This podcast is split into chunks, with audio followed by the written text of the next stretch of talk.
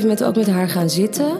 Ze wilde allemaal testen met haar doen. En ik ben naar haar gaan kijken. En ik dacht, nee, er is niks met haar. Ik voelde gewoon, ik ben helemaal niet zweverig in dat opzicht. Totaal niet. Maar ik voelde gewoon vanuit haar zo'n kracht komen. Ik voel dat het goed is.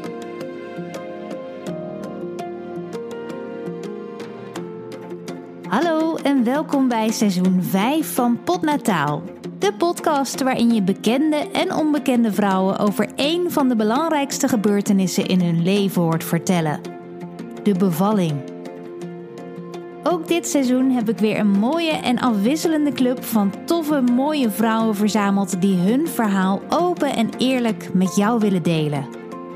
Laat je inspireren, voel je gesteund en verbonden met al deze prachtige vrouwen.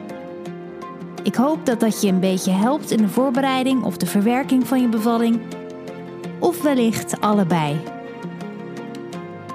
Je zult horen dat het er bij iedereen weer anders aan toe gaat en tegelijkertijd ook weer hetzelfde, omdat sommige gevoelens nou eenmaal universeel zijn. En ja, dat gevoel van voor het eerst moeder mogen worden, dat is gewoon magie. Mijn naam is Simone Wijnands, moeder van een zoon en een dochter en ik maak potnataal. En dit is het verhaal van Bettina. Ik ben Bettina Horda Bakken en ik uh, kom oorspronkelijk uit Lelystad en nu woon ik in Naarden. Ik uh, ben actrice en dan uh, voornamelijk ook in musical actief. Ik doe heel veel stemmenwerk. spreek ik commercials in voor tv en radio. En uh, zangeres ben ik ook. Ik ben 42 jaar oud en ik ben uh, ruim twee jaar geleden op 1 maart 2019 bevallen van mijn dochter Molly. Voor het laatst was dat.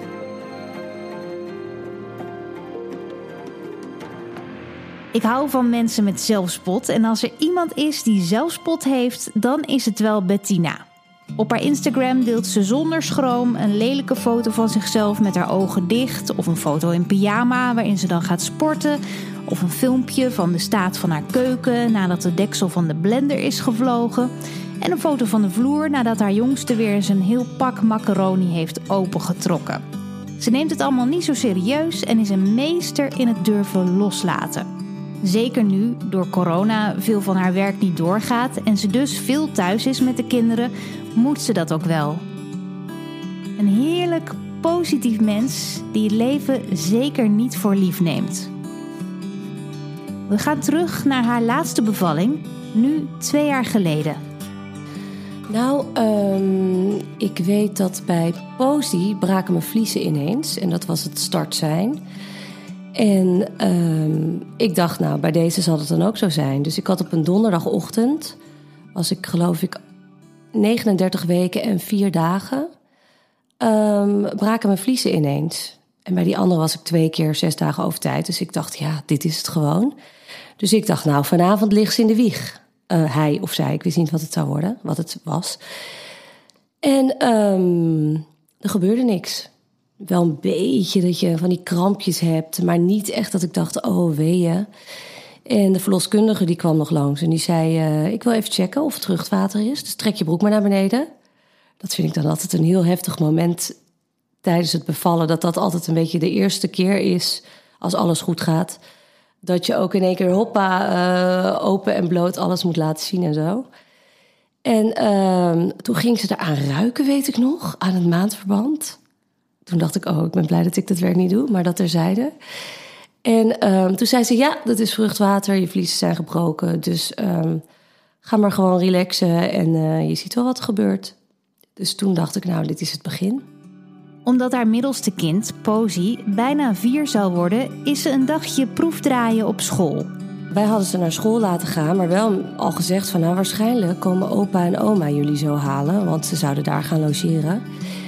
En uh, ik dacht, nou weet je, dit gaat gewoon in. Dit, de derde, Ozie was er binnen zes uur, geloof ik, mijn tweede. En ik dacht, dit is gewoon. Ik denk dat ik het ziekenhuis nog niet eens haal. Dat hoor je heel vaak toch? Van oh. Hij valt er nog net niet uit. Nee, de, de poorten zijn allemaal open geweest, dus uh, hoppa. Maar er, er gebeurde niks. Dus de kinderen kwamen weer uit school. En ik dacht, ik ga maar wel gewoon mijn ouders bellen. Dat ze, ik had nog geen weeën, maar ik dacht dat ze al wel daar zijn. Dus ze werden opgehaald. En eh, nou, wij deden gewoon ons ding. En s'avonds rond middernacht, toen had ik al vanaf. Toen waren mijn vliezen dus al vanaf ochtends 7 uur gebroken.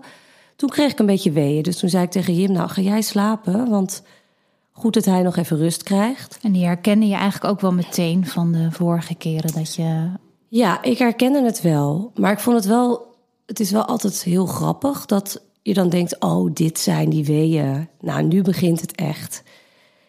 En dat je je er toch nog steeds op verkijkt. Omdat je denkt, oh nee, dit waren die weeën helemaal niet. Die echte weeën, dat is zo'n ander gevoel. Maar toch denk je, oh, dit keer gaat het meevallen. En ze komt er zo uit en dan is het gewoon die derde en dat gaat gewoon makkelijk. Maar het begon dus wel en ik heb s'nachts heb ik in mijn eentje boven op zolder gezeten op uh, ons logeerbed. Gewoon lekker met een lampje aan en uh, af en toe wel de verloskundige gebeld van uh, ik voel nu dit en dat je ervan weet. En ik voelde me daar ook nog bezwaard over. Toch nog wel midden in de nacht. Terwijl je weet dat ze dienst hebben. Maar toch denk je van ja, als het niks is, dat is zo vervelend dan of zo. Zo gek is dat, hè? Dat heb ik echt al zo vaak inderdaad gehoord. Ik heb het zelf ook gedaan inderdaad. Dat je gewoon veel te laat belt. Dat je gewoon toch zit te denken van... Ja. Terwijl ze zo benadrukken van tevoren van... Nou, bel gewoon, ook bij twijfel. Gewoon bellen. Ja. En dan toch niet doen. Ja, wat is dat nee, nou? Ja, zeker midden in de nacht voel je toch... En dan staat er noodnummer. En dan denk ik, ja, maar ik ben niet in nood of zo. Uiteindelijk durft ze toch te bellen. De verloskundige heeft gelukkig goed nieuws. Het is rustig in het ziekenhuis. Ik heb gebeld. Um, je mag er al heen komen als je dat wil. En dat is zo fijn dat je al voor die hele heftige weeën al in het ziekenhuis bent. Dat is ook twee keer, heb ik daar denk ik wel geluk mee gehad qua drukte. Dus dat je niet, uh, ik weet bij Lux de eerste keer had ik echt die hele heftige weeën in de auto. En dat is gewoon zo vervelend. En je wilde ook in het ziekenhuis bevallen. Dat was ook wel uh, een ja. wens. Ja, ik, uh, ik weet niet. Ik, heb, ik vind het veiliger of zo. Ik heb uh, best wel veel verhalen gehoord, ook van vriendinnen die dan half met een kind al wat eruit hing, nog blauw aangelopen. Naar het, niet om mensen bang te maken hoor, maar um, naar het ziekenhuis nog moesten. Toen dacht ik, nee, dat, dat risico wil ik gewoon niet lopen. Ik vind het rustiger als ik er al ben. En uh, dat heeft voor mij gewoon drie keer goed gewerkt. Dus dat vond ik wel, het was wel een bewuste keuze. Ja. In de ochtend, 24 uur nadat haar vliezen zijn gebroken, rijden ze naar het ziekenhuis. En dan hadden ze het bad al gevuld, want ik dacht, oh leuk, weet je, ik ben nog nooit in bad bevallen, laat ik dat eens doen. heb ik alles een keer meegemaakt. En uh, nou ja, dat bad, het, het, is er nooit van gekomen, het werd koud. En als je vliezen te lang zijn gebroken, langer dan 24 uur, dan mag dat niet eens meer in verband met infectiegevaar. Uh, dus dat bad, het is er nooit van gekomen. Ja, daarbinnen was het ook heel relaxed en, en die zusters waren heel lief. En het was een beetje echt zo'n nachtgevoel nog, dat er niet echt veel mensen waren. En vond ik ook wel heel fijn of zo. Het voelt heel erg van, oh, het is ook wel... Ja, je gaat gewoon je kind ontmoeten. Dus dat is zo... Ik, ik vind dat altijd, alsof ik 38 kinderen heb... maar dat, ik vind het wel altijd zo'n magisch moment, die tijd voordat je je kind krijgt. Bettina voelt zich opgetogen bij het idee straks haar kindje te kunnen ontmoeten. Haar verloskundige is al in het ziekenhuis vanwege een andere bevalling, maar het loopt toch iets anders. Ik um, werd overgedragen aan het ziekenhuis omdat het medisch zou worden, omdat ik dus 24 uur lang gebroken vliezen had. En in het begin dacht ik een beetje van: oh nee, oh nee, oh nee. Omdat je dan toch gewoon wil uh, bevallen zoals je dat in je hoofd hebt. Maar wij kregen daar zo'n fijne vrouw voor terug. Achteraf was het echt top dat we, dat we dat hebben gedaan, dat het zo liep. Hoewel ze al behoorlijke weeën heeft, schiet de ontsluiting nog niet erg op. Ze maakt een inschatting van hoe ver ze was. Ik denk op anderhalve centimeter of twee centimeter. Echt zo'n aantal dat je denkt: oh, dat een moedje in de schoenen zakt. Dus dat is ook dat je denkt: nou, eh, spuit er maar iets in uh, wat het opwekt. Ook al is dat geen pretje natuurlijk. Maar um, ja, dat hebben ze toen wel ja. gedaan. Ja, dat lijkt me teleurstellend inderdaad. Zeker ja. omdat je het natuurlijk al twee keer eerder hebt meegemaakt. Ja, dat het ik toen dacht, vlot wat, ging. wat is dit jongens? Maar nee, bij Lux ging het ook niet heel vlot hoor. Daar hebben ze ook, daar heb ik een rugprik gekregen, hebben ze het ook opgewekt. Omdat het ook niet opschoot. Het bleef maar op drie, vier centimeter hangen. En bij hem had ik een weeënstorm al urenlang. Dus uh, toen zei ik van, nou jongens, dit moet op een andere manier. En bij Poti bleef het ook wel hangen. Maar ging het daarna best wel snel. Maar dat was in dit geval dus niet zo. Dit, nu bleef het ook hangen en het ging gewoon niet vooruit. Dus toen heb ik weeopwekkers gekregen. En toen. Uh, maar dat vond ik eigenlijk achteraf nog wel. Ik was daar een beetje bang voor, omdat je daar verhalen over hoort dat het dan heel heftig wordt. Maar ik had bij Lux dus al een weeënstorm meegemaakt dat er geen ruimte tussen je weeën zat. Dus dat je echt van piek naar piek naar piek ging, urenlang. En nu had ik dus een piek en dan een paar minuten niks. Dus ik dacht, nou, als, het is niet een feest, maar oké, dan kan ik even bijkomen tussendoor. Dus eigenlijk vielen die opwekkers vielen me nog wel mee. Bettina voelt zich nog goed, ondanks de weeënopwekkers. En het lukt haar vanuit een soort vogelperspectief op haar bevalling te kijken. Ik vond het eigenlijk wel een mooi moment, want wij, ik zat dan in zo'n bevalkamer en ik zag dan de snelweg voor me met zo'n afslag. En het werd langzaam licht en dan zie je al die mensen naar hun werk gaan. En dat vond ik een heel fijn idee dat wij heel erg in een kamertje zaten met z'n tweeën. En een van de grootste dingen van ons leven meemaakten. Maar dat voor andere mensen het leven gewoon doorging. En op dat moment kon ik er ook nog wel van genieten of zo. En we lachten ook. Jim die moest alleen maar om mij lachen om de opmerkingen die, die, die ik maakte, geloof ik. Wat voor dingen zei je dan? Ja, ik weet het allemaal niet. Ik heb altijd een beetje van die droge opmerkingen. En dan moest hij... Hij, hij zit een, in de hoek op een stoel, want hij weet dat hij niet bij aan me moet gaan zitten als ik pijn heb of zo. Dus hij lachte de hele tijd om me. En het was gewoon heel gezellig. En pas later, ja, dan dan wordt het iets minder gezellig, omdat je dan helemaal in een soort uh, iets zit. Maar toen vond ik het ook wel gezellig of zo. Het was ook wel bijzonder en gezellig en met elkaar. Dat je dat bedje ziet staan waar dan je kindje in komt te liggen en zo. Ja, dat vind ik wel altijd. Ik denk dat ik dat wel het fijnste moment vind of zo. Natuurlijk heeft ze een tas vol met allerlei spullen, zoals boekjes meegenomen, die later totaal overbodig blijken. Ik had mijn laptop mee, maar dat is natuurlijk zo'n onzin. Want dat doe je niet. Je zit, uh, je zit gewoon heel erg in het moment. Het is niet zo dat je die drie minuten tussen de weeën denkt... nou, ik ga een film kijken of zo. Tenminste, dat had ik niet. En uh, ja, ik had het wel mee. En allemaal maaltijdrepen en, uh, en dat soort dingen. Maar dat, ja, dat is denk ik meer voor Jim was dat. Want het, je bent zo gespannen en ook je lijf is toch ook wel een beetje... Ja, het is gewoon heel druk. Dus ik kreeg ook geen hap door mijn keel of zo. Dus... Hele voorraad in de tas, maar niks van gebruikt. Ik dan. De vermoeidheid begint intussen wel toe te slaan. Het is inmiddels ook al tegen het middaguur en ze zit nog steeds maar rond de 4 centimeter ontsluiting. Het schoot maar niet op, want ik weet wel daarna, als je op een gegeven moment bij 6, 7, 8, dan gaat het meestal wel harder, bij mij dan. Maar dit, tot, tot dat punt komen, dat, dat, dat werkte gewoon, dat lukte gewoon niet. En um, de weeën gingen wel meer pijn doen. Ik had zo'n tens, zo'n apparaatje dat je, ja, zo'n elektrische, dan krijg je een soort schokjes op je rug, spieren. Als een soort, ja, hoe noem je dat, een soort tegenwerking, een afleiding iets, afleidingsiets. Ik vond het heel fijn. Dat was echt een soort, uh, alsof je de, de, de, de macht een beetje weer terugpakte over je eigen lichaam. En natuurlijk heb je nog steeds pijn. Maar het idee dat je een soort tegenkracht, tegendruk kon geven aan die weeën ja, ik, ik zou dat wel echt iedereen aanraden. Maar dat is natuurlijk ook persoonlijk. Dus dat had ik wel.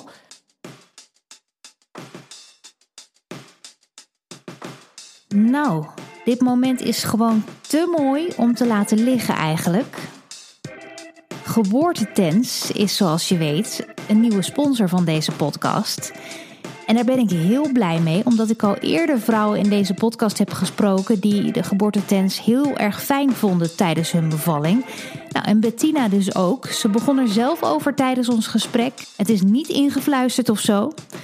De geboortetens dat is dus een vorm van alternatieve pijnbestrijding tijdens de bevalling. Het apparaatje geeft, zoals Bettina al een beetje uitlegde, door middel van een soort pulsen tegenwicht aan je weeën en daardoor dus verlichting. Het voordeel is dat je daardoor geen gebruik hoeft te maken van medicatie. Het is niet schadelijk voor je baby en het is heel erg simpel in gebruik en je kunt hem overal mee naartoe nemen. Dus of je nu thuis of in het ziekenhuis bevalt, dat maakt helemaal niets uit. En hij is bovendien ook nog meestal gratis, want heel veel zorgverzekeraars vergoeden hem ook nog. Wil je hier graag meer over weten en kijken hoe je hem kunt bestellen? Want dat moet je dus wel eventjes voor je bevalling regelen. Ga dan voor meer informatie naar geboortetents.nl. En dan gaan we nu snel door met het verhaal van Bettina.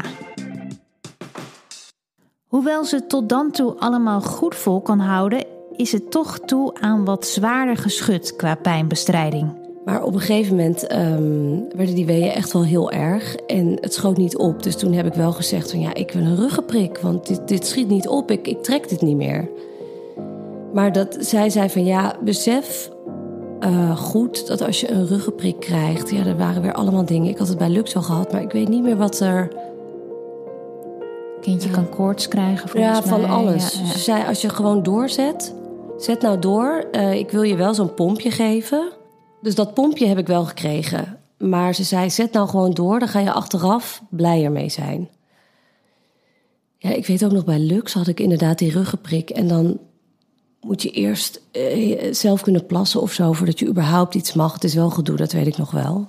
En je kan heel erg hoofdpijn krijgen. Dus uh, ik, uh, ik kreeg dus zo'n morfinepompje bij die, uh, bij die hele heftige weeën. En dat hielp wel? Ja, ik vond het vooral fijn. Ze zei, de pijn van de weeën blijft, maar de heftige, de scherpe randjes gaan er wel van af. En dat kan ik natuurlijk niet beoordelen, want ik heb die weeën bij Molly alleen met dat pompje gehad. En je mag het zelf zo vaak inklikken als je wil. En dat stopt natuurlijk na drie keer, want ze gaan je niet helemaal high laten worden. Maar het idee is fijn. Ja, je kan gewoon doorklikken. Ja, klikken. Een tijdje... Honderd keer. Honderd keer. Terwijl je weet dat hij niks meer geeft, maar toch klikken, ja. Maar tussendoor uh, vond ik het wel heel fijn. Want ik viel gewoon iedere keer een beetje in slaap tussendoor. En dan zat ik weer... Jim vond het heel grappig en dan keek ik naar buiten en zei. Oh, die vogels daar, wat zijn de vogels mooi. je wordt er wel echt een beetje high van. Ja, heel. Maar ik vond het eigenlijk wel fijn. En het verdwijnt ook meteen weer als je bevallen bent. Dus dat vond ik eigenlijk ook achteraf wel, uh, ja, wel fijn of zo. Het gaat nog steeds allemaal heel geleidelijk aan. Heel anders dan bij haar vorige bevalling. Het ging toen uh, ja, geleidelijk aan. Ik weet bij Posie, de tweede keer voelde ik echt, stond ik weeën te hebben. Uh, en toen voelde ik echt een hoofdje al. En toen zei de verloskundige, dan moet je nu gaan liggen. Toen voelde ik echt dat er echt zo'n druk kwam van, maar ik voel dat er een hoofdje uitkomt hoor. Dat had ik dit keer niet. Dus het ging eigenlijk geleidelijk. En op een gegeven moment zei ze: Je hebt nu 10 centimeter, je mag nu gaan persen. En dat moment, als ik daar nu nog steeds aan denk, dat is altijd zo'n. ook wel eng of zo. Omdat je denkt: Oké, okay, oké, dan gaan we nu persen. Eindelijk is het zover. Het laatste stukje. Ik weet, bij Lux heb ik een uur gedaan om met persen. Dat vond ik heel heftig. Bij Posie was het twee keer en dit keer was het volgens mij ook echt twee keer. En dan. Um, ja, dat, dat is zo bizar, dat persen. En dan ook dat moment dat ze ook tegen je zeggen van... En nu moet je vasthouden. Nu mag je echt niks doen. En dan denk je ook alleen maar aan je kind. Want je weet, als je doorperst, dan kan geloof ik... Ze moeten dan geloof checken of de navelstreng om de nek zit. Met haar hand gaat ze dan er nog zo erbij in. Dat je denkt, knap, maar oké. En uh, ik kan me niet meer herinneren dat het bij Lux ook zo was. Dat ze zeiden, vasthouden. Dat ze even voelen of het. Maar misschien doen ze dat. Ik denk dat ze dat altijd wel doen. Of het hoofdje staat. Ja, en of de, de navelstreng uh, om de nek zit of niet. Maar dat moment is natuurlijk echt afschuwelijk. De Ring of Fire noemen ze dat toch ook, geloof ja, ik? Ja, ja. En, en lag je op een bed? Of, uh, ja, ik lag op een bed. Ja, ik ben drie keer liggend bevallen. En um, dat je dus ook vast moet houden. En dat je echt denkt, oh, dit duurt een uur. En dat ze dan zegt, en nu mag je doorpersen. Ja, en dat, dat, dat moment dat je door mag persen en dat je voelt dat het eruit komt. Oh, dat is echt. Ja, alles natuurlijk. Fantastisch dat het er is. Fantastisch dat het voorbij is. Ja, dat is wel gewoon. Ja, ik heb daar bijna geen woorden voor. Het is magisch gewoon. En bij Molly wisten we niet wat het was. En wij dachten dat het een jongen zou zijn. En bij de andere twee wisten jullie het wel uh, ja. van tevoren. En waar, ja. waarom had je nu voor gekozen om het niet te weten? Nou, we hadden een jongen en een meisje. En we dachten, dat was mijn idee. Jim kon eigenlijk niet wachten. Maar het was mijn idee van, ik wil alles een keer meemaken. Het lijkt me ook heel leuk om verrast te worden. En dat je niet weet wat het is. En uh, wij dachten wel op een echo te hebben gezien met 20 weken. Zei Jim tegen mij, nou, zag jij ook wat ik zag? Het is duidelijk een jongen. En zijn vader zag ook op een filmpje wat we doorgestuurd hadden van ja, maar ik zag echt wat zitten hoor. Terwijl de, de verloskundige gaat daar heel netjes omheen. Als je het niet wil weten, zegt ze doe je ogen even dicht of dan gaat ze er omheen. Dus wij dachten het is een jongen. Echt 99% zeker. We hadden de kamer wel neutraal in mintgroen. Maar we hadden niks meisjesachtig. We hadden een zwart pakje, omdat we dat stoer vonden. Geboortepakje. En het kwam eruit en Jim, die, Jim mocht er aanpakken. En die hield er zo omhoog.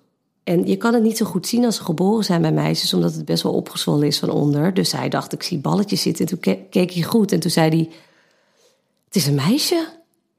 En ik dacht echt, het is zo grappig wat je dan in één seconde voor je ziet. Dat je in één keer het gezin voor je ziet dat het, wat het gaat zijn. Dat je in één keer denkt, oh, we krijgen zusjes in ons gezin. En oh, we gaan de naam Molly gebruiken. Want wij vonden Molly een hele leuke naam. Maar ja, het zou een jongen zijn, dus we hadden het achter de hand. Maar dus we, ja, het, het valt ook meteen op zijn plek. En eigenlijk was ik ook nog wel gewoon heel erg blij dat het gewoon klaar was en dat het gezond was. Maar ook wel geweldig dat het dan in één keer een meisje blijkt te zijn.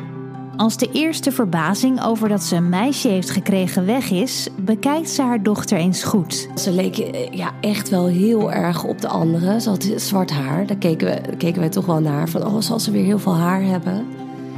En um, dat had ze, net als de andere twee. En uh, ja, ik vond dat ze heel erg op Lux leek ook wel. En ze had een heel fijn gezichtje. En uh, ja, gewoon het is gewoon heel onwerkelijk. Je hoort heel vaak mensen die zeggen: Toen mijn kind er was, dacht ik: Oh ja, ik ken jou al. Dat ben jij, jij was het. Ik heb drie keer gehad dat ik mijn kind aankeek en dat ik dacht: van, Hè? Wat, wat gek. Gewoon, je, je verwacht een soort kopie, een mini-kopie van jezelf die eruit komt. Of een soort verlengstuk van jezelf. En het is gewoon een heel eigen mensje. Dat je denkt: Oh, ik moet echt even naar jou kijken wie er nou weer uit mij komt of zo. Even leren kennen en naar die oogjes en weer een ander neusje. En ja, ik vond het prachtig. Molly heeft een goed gewicht en het ziet er in eerste instantie allemaal goed uit. Ze ligt in Bettina's armen, terwijl ondertussen nog een en ander moet gebeuren. Ik ben drie keer ingescheurd, dus dan hechten ze je natuurlijk. En dat is niet het fijnste moment, want het, het doet gewoon heel veel pijn. En je moet ook nog je, je uh, placenta natuurlijk, moet je ook nog van bevallen. Maar dat ging drie keer eigenlijk heel soepel. Dus... Ja, dat is iets wat de, iemand zei het laatst helemaal van ja, dat, eigenlijk dat stukje dat vergeten we heel vaak. Maar dat is natuurlijk ook nog echt wel even een ding. Ja. Dat je gewoon nog daarna nog die placenta, dat moet er gewoon nog uit.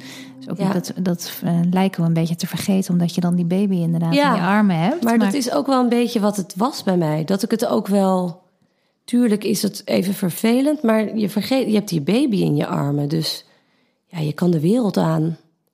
De opa's en oma's worden op de hoogte gebracht van het mooie nieuws. Lux en Posie waren bij mijn ouders en wij wilden per se dat zij de eerste waren die wisten. Wij vinden van ja, het is jullie, dit is ons gezin, jullie horen bij dat gezin, dus jullie moeten gewoon als eerste weten wat het is. Dat kan niet zo zijn dat opa en oma dat eerder weten, vonden wij. En zij waren ook al wel vier nou, bijna vier potie en zes, ruim zes.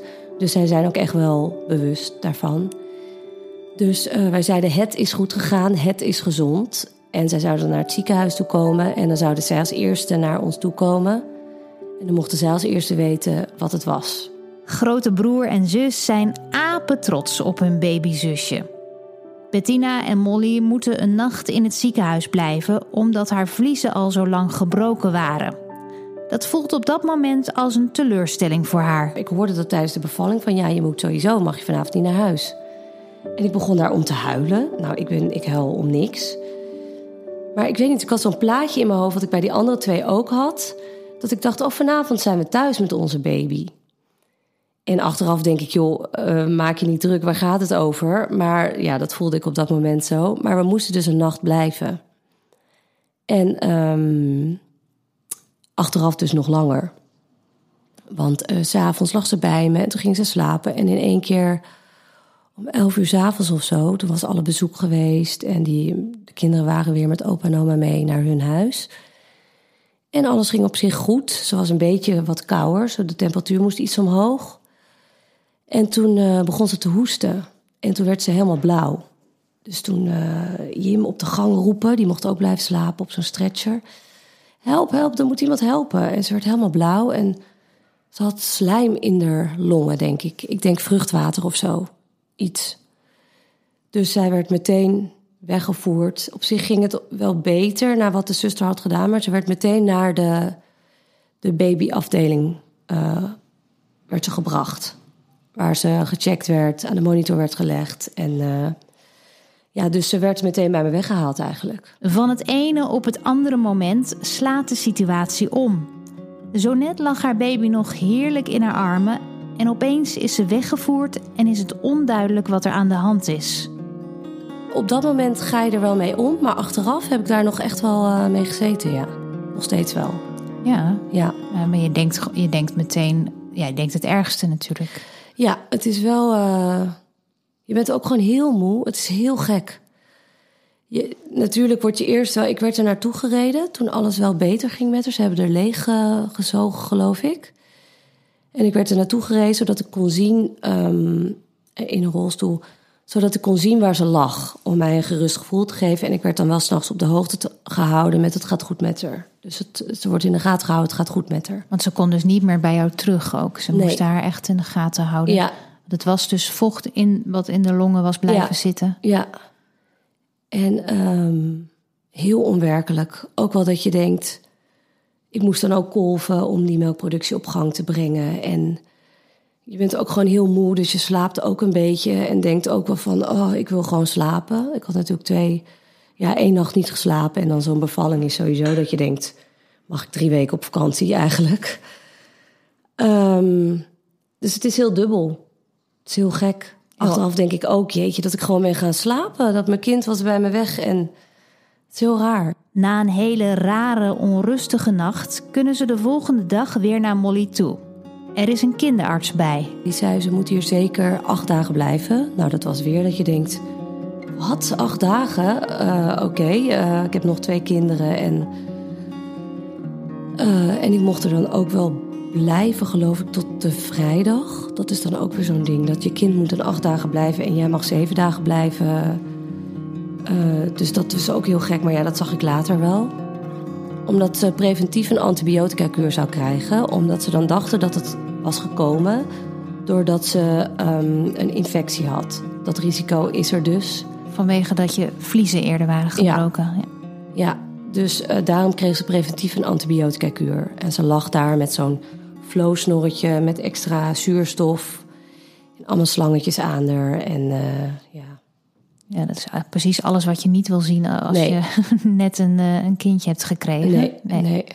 En acht dagen, dat klinkt ook echt als eindeloos eh, lang inderdaad. Ja. Ja, maar ja, ik, ik mocht erbij blijven. Nou, ik mocht daar niet bij blijven, maar ik mocht op die kamer blijven. En ik lag alleen, wat ik heel fijn vond. En ehm, ik kon er dus wel de hele tijd naartoe. Dus ik ging daar iets van vier keer naartoe op een dag om te voeden. En om er zelf aan te kleden. En dan bleef ik er ook heel lang bij. En dan ging ik weer terug naar mijn kamer om even te rusten. Maar feitelijk gezien zat ik er de hele tijd. Ze zaten ook op een gegeven moment van... Je mag ook wel gewoon rusten. Hè? Je hoeft hier niet de hele tijd te zitten. Maar dan zei ik, ja, maar ik wil hier zitten. Ik wil bij haar zijn, naar haar kijken. Ik wil, als ik moet kolven, dan kolf ik wel als ik bij haar zit. Dat ik naar haar kan kijken. En ik wil gewoon dat ze mijn aanwezigheid voelt. Dus, en dan s'nachts kolfde ik. En dan eh, ging ik niet naar haar toe. Ook uit een soort van zelfbescherming om dan rust te krijgen.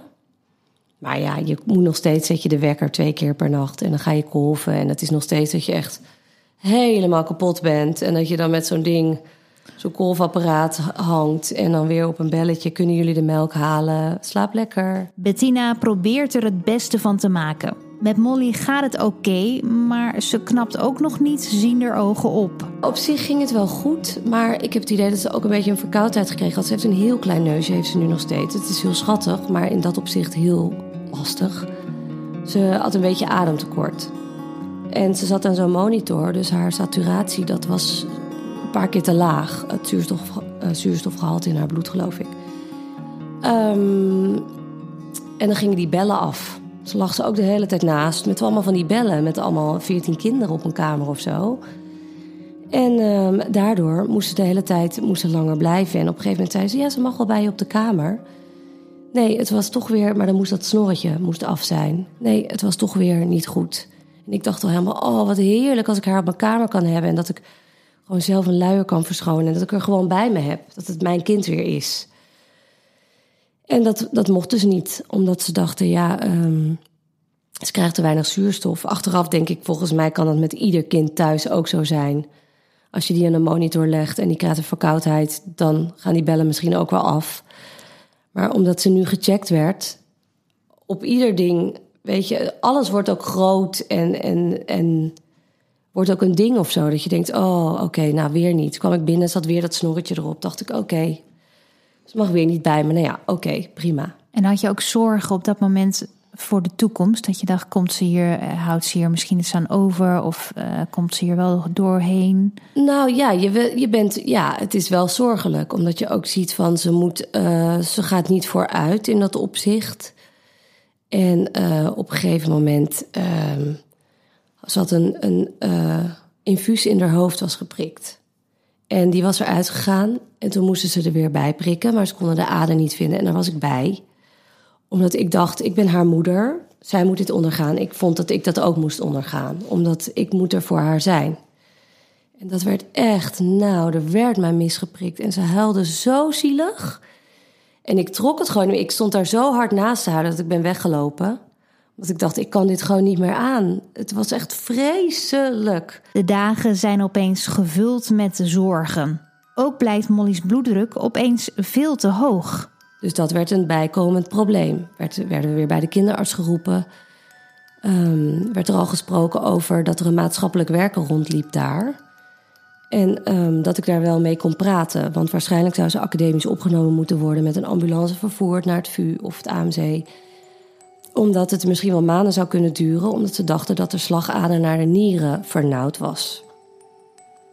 Dus dat kwam er ook weer bij. En Achteraf dacht ik, de bloeddruk was, verkeerd, was te hoog op het moment dat haar infuus zo vaak misgeprikt was. En dat ze medicatie kreeg waar ze heel erg darmkrampen van kreeg. Daarom willen ze het liever met infuus doen dan oraal. Had ze heel veel stress. Natuurlijk. Heel veel stress. En ik dacht dat al de hele tijd. Van, nou, ja, ik, ik legde daar een link mee. Ik keek de hele tijd, ging ik met haar zitten. Want je raakt je kind een beetje kwijt op zo'n moment. Het klinkt een beetje zwaar. Want ik weet echt, er zijn mensen die hebben veel heftigere problemen hè, dan wat wij hadden. Maar je wordt echt geleefd. Uh, je vraagt, mag ik haar al voeden? Mag ik haar verschonen? Moet ik nu haar uh, een zetpil geven? Moet ik nu dit? Je gaat niet meer op je moederinstinct uh, leven, maar op wat anderen zeggen. Ben je aan het voeden, wat al een heel ding is, borstvoeding... hoor je weer iemand zeggen met de beste bedoelingen... klop, klop, op een gordijn. Hoorde je weer klop, klop, gaat alles goed hier? En dan denk ik, ja, ik ben haar net aan het aanleggen. Het zweet brak me al uit, weet je wel. Dat is gewoon, ja, ik vond het best wel pittig. En je vergeet gewoon inderdaad dat, dat jij dat jij de moeder bent, en dat jij mag dat je mag dat ook mag uitspreken natuurlijk. Maar ja. dat, dat deed je eigenlijk niet op dat moment. Nee, en dan moest je er weer wegen na iedere voeding of ze wel alles binnen. Het waren hele dingen en ik ben op een gegeven moment ook met haar gaan zitten ze wilde allemaal testen met haar doen. En ik ben naar haar gaan kijken en ik dacht, nee, er is niks met haar. Ik voelde gewoon, ik ben helemaal niet zweverig in dat opzicht, totaal niet. Maar ik voelde gewoon vanuit haar zo'n kracht komen dat ik dacht, er is niks. Ik belde Jim ook. Ik zeg, we gaan die testen gaan we niet doen. Ik voel dat het goed is. Ze gingen wel een echo maken nog. Um, maar geen, geen prikken meer. Geen dat wilden ze allemaal doen ik, ik wilde het gewoon niet meer. Ik wilde niet meer dat er in haar geprikt werd. Ik voelde dat het goed zat. En um, op maandag, toen waren, er al, waren we er al tien dagen, geloof ik. Toen was ik uh, al thuis. En uh, toen gingen we een echo met haar doen.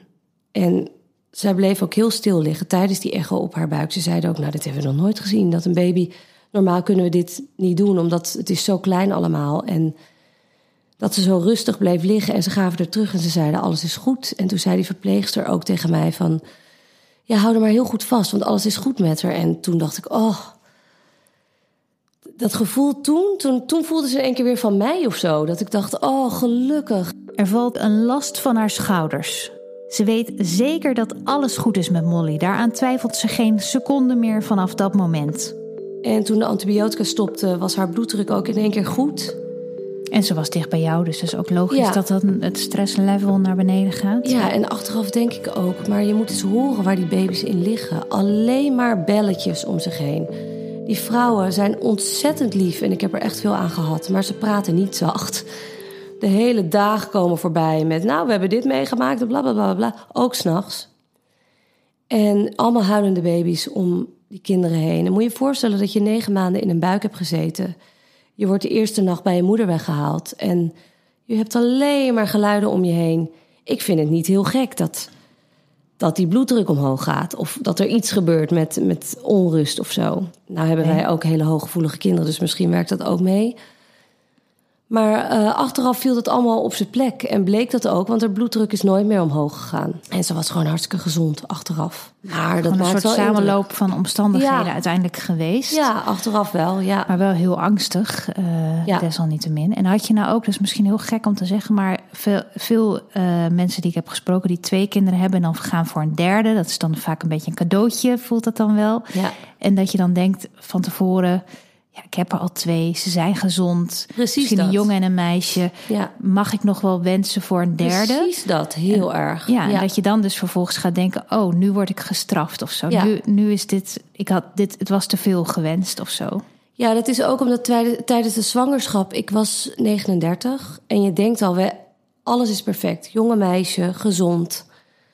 Uh, het was mijn ding, ik wilde een derde. Jim wilde ook een derde, maar het zat niet in zijn hoofd. Ik zei op een gegeven moment: um, Ik zou graag een derde willen. En ik wilde dat hij dat ook zelf wilde. Want als vrouw, laten we wel wezen. Als je man dat niet wil, kan je dat als vrouw best wel manipuleren dat het wel gebeurt. Dat wilde ik natuurlijk niet. Hij wilde dat op een gegeven moment heel graag. Hij dacht, toen hij het eenmaal toeliet, dacht hij, ja, dat wil ik ook.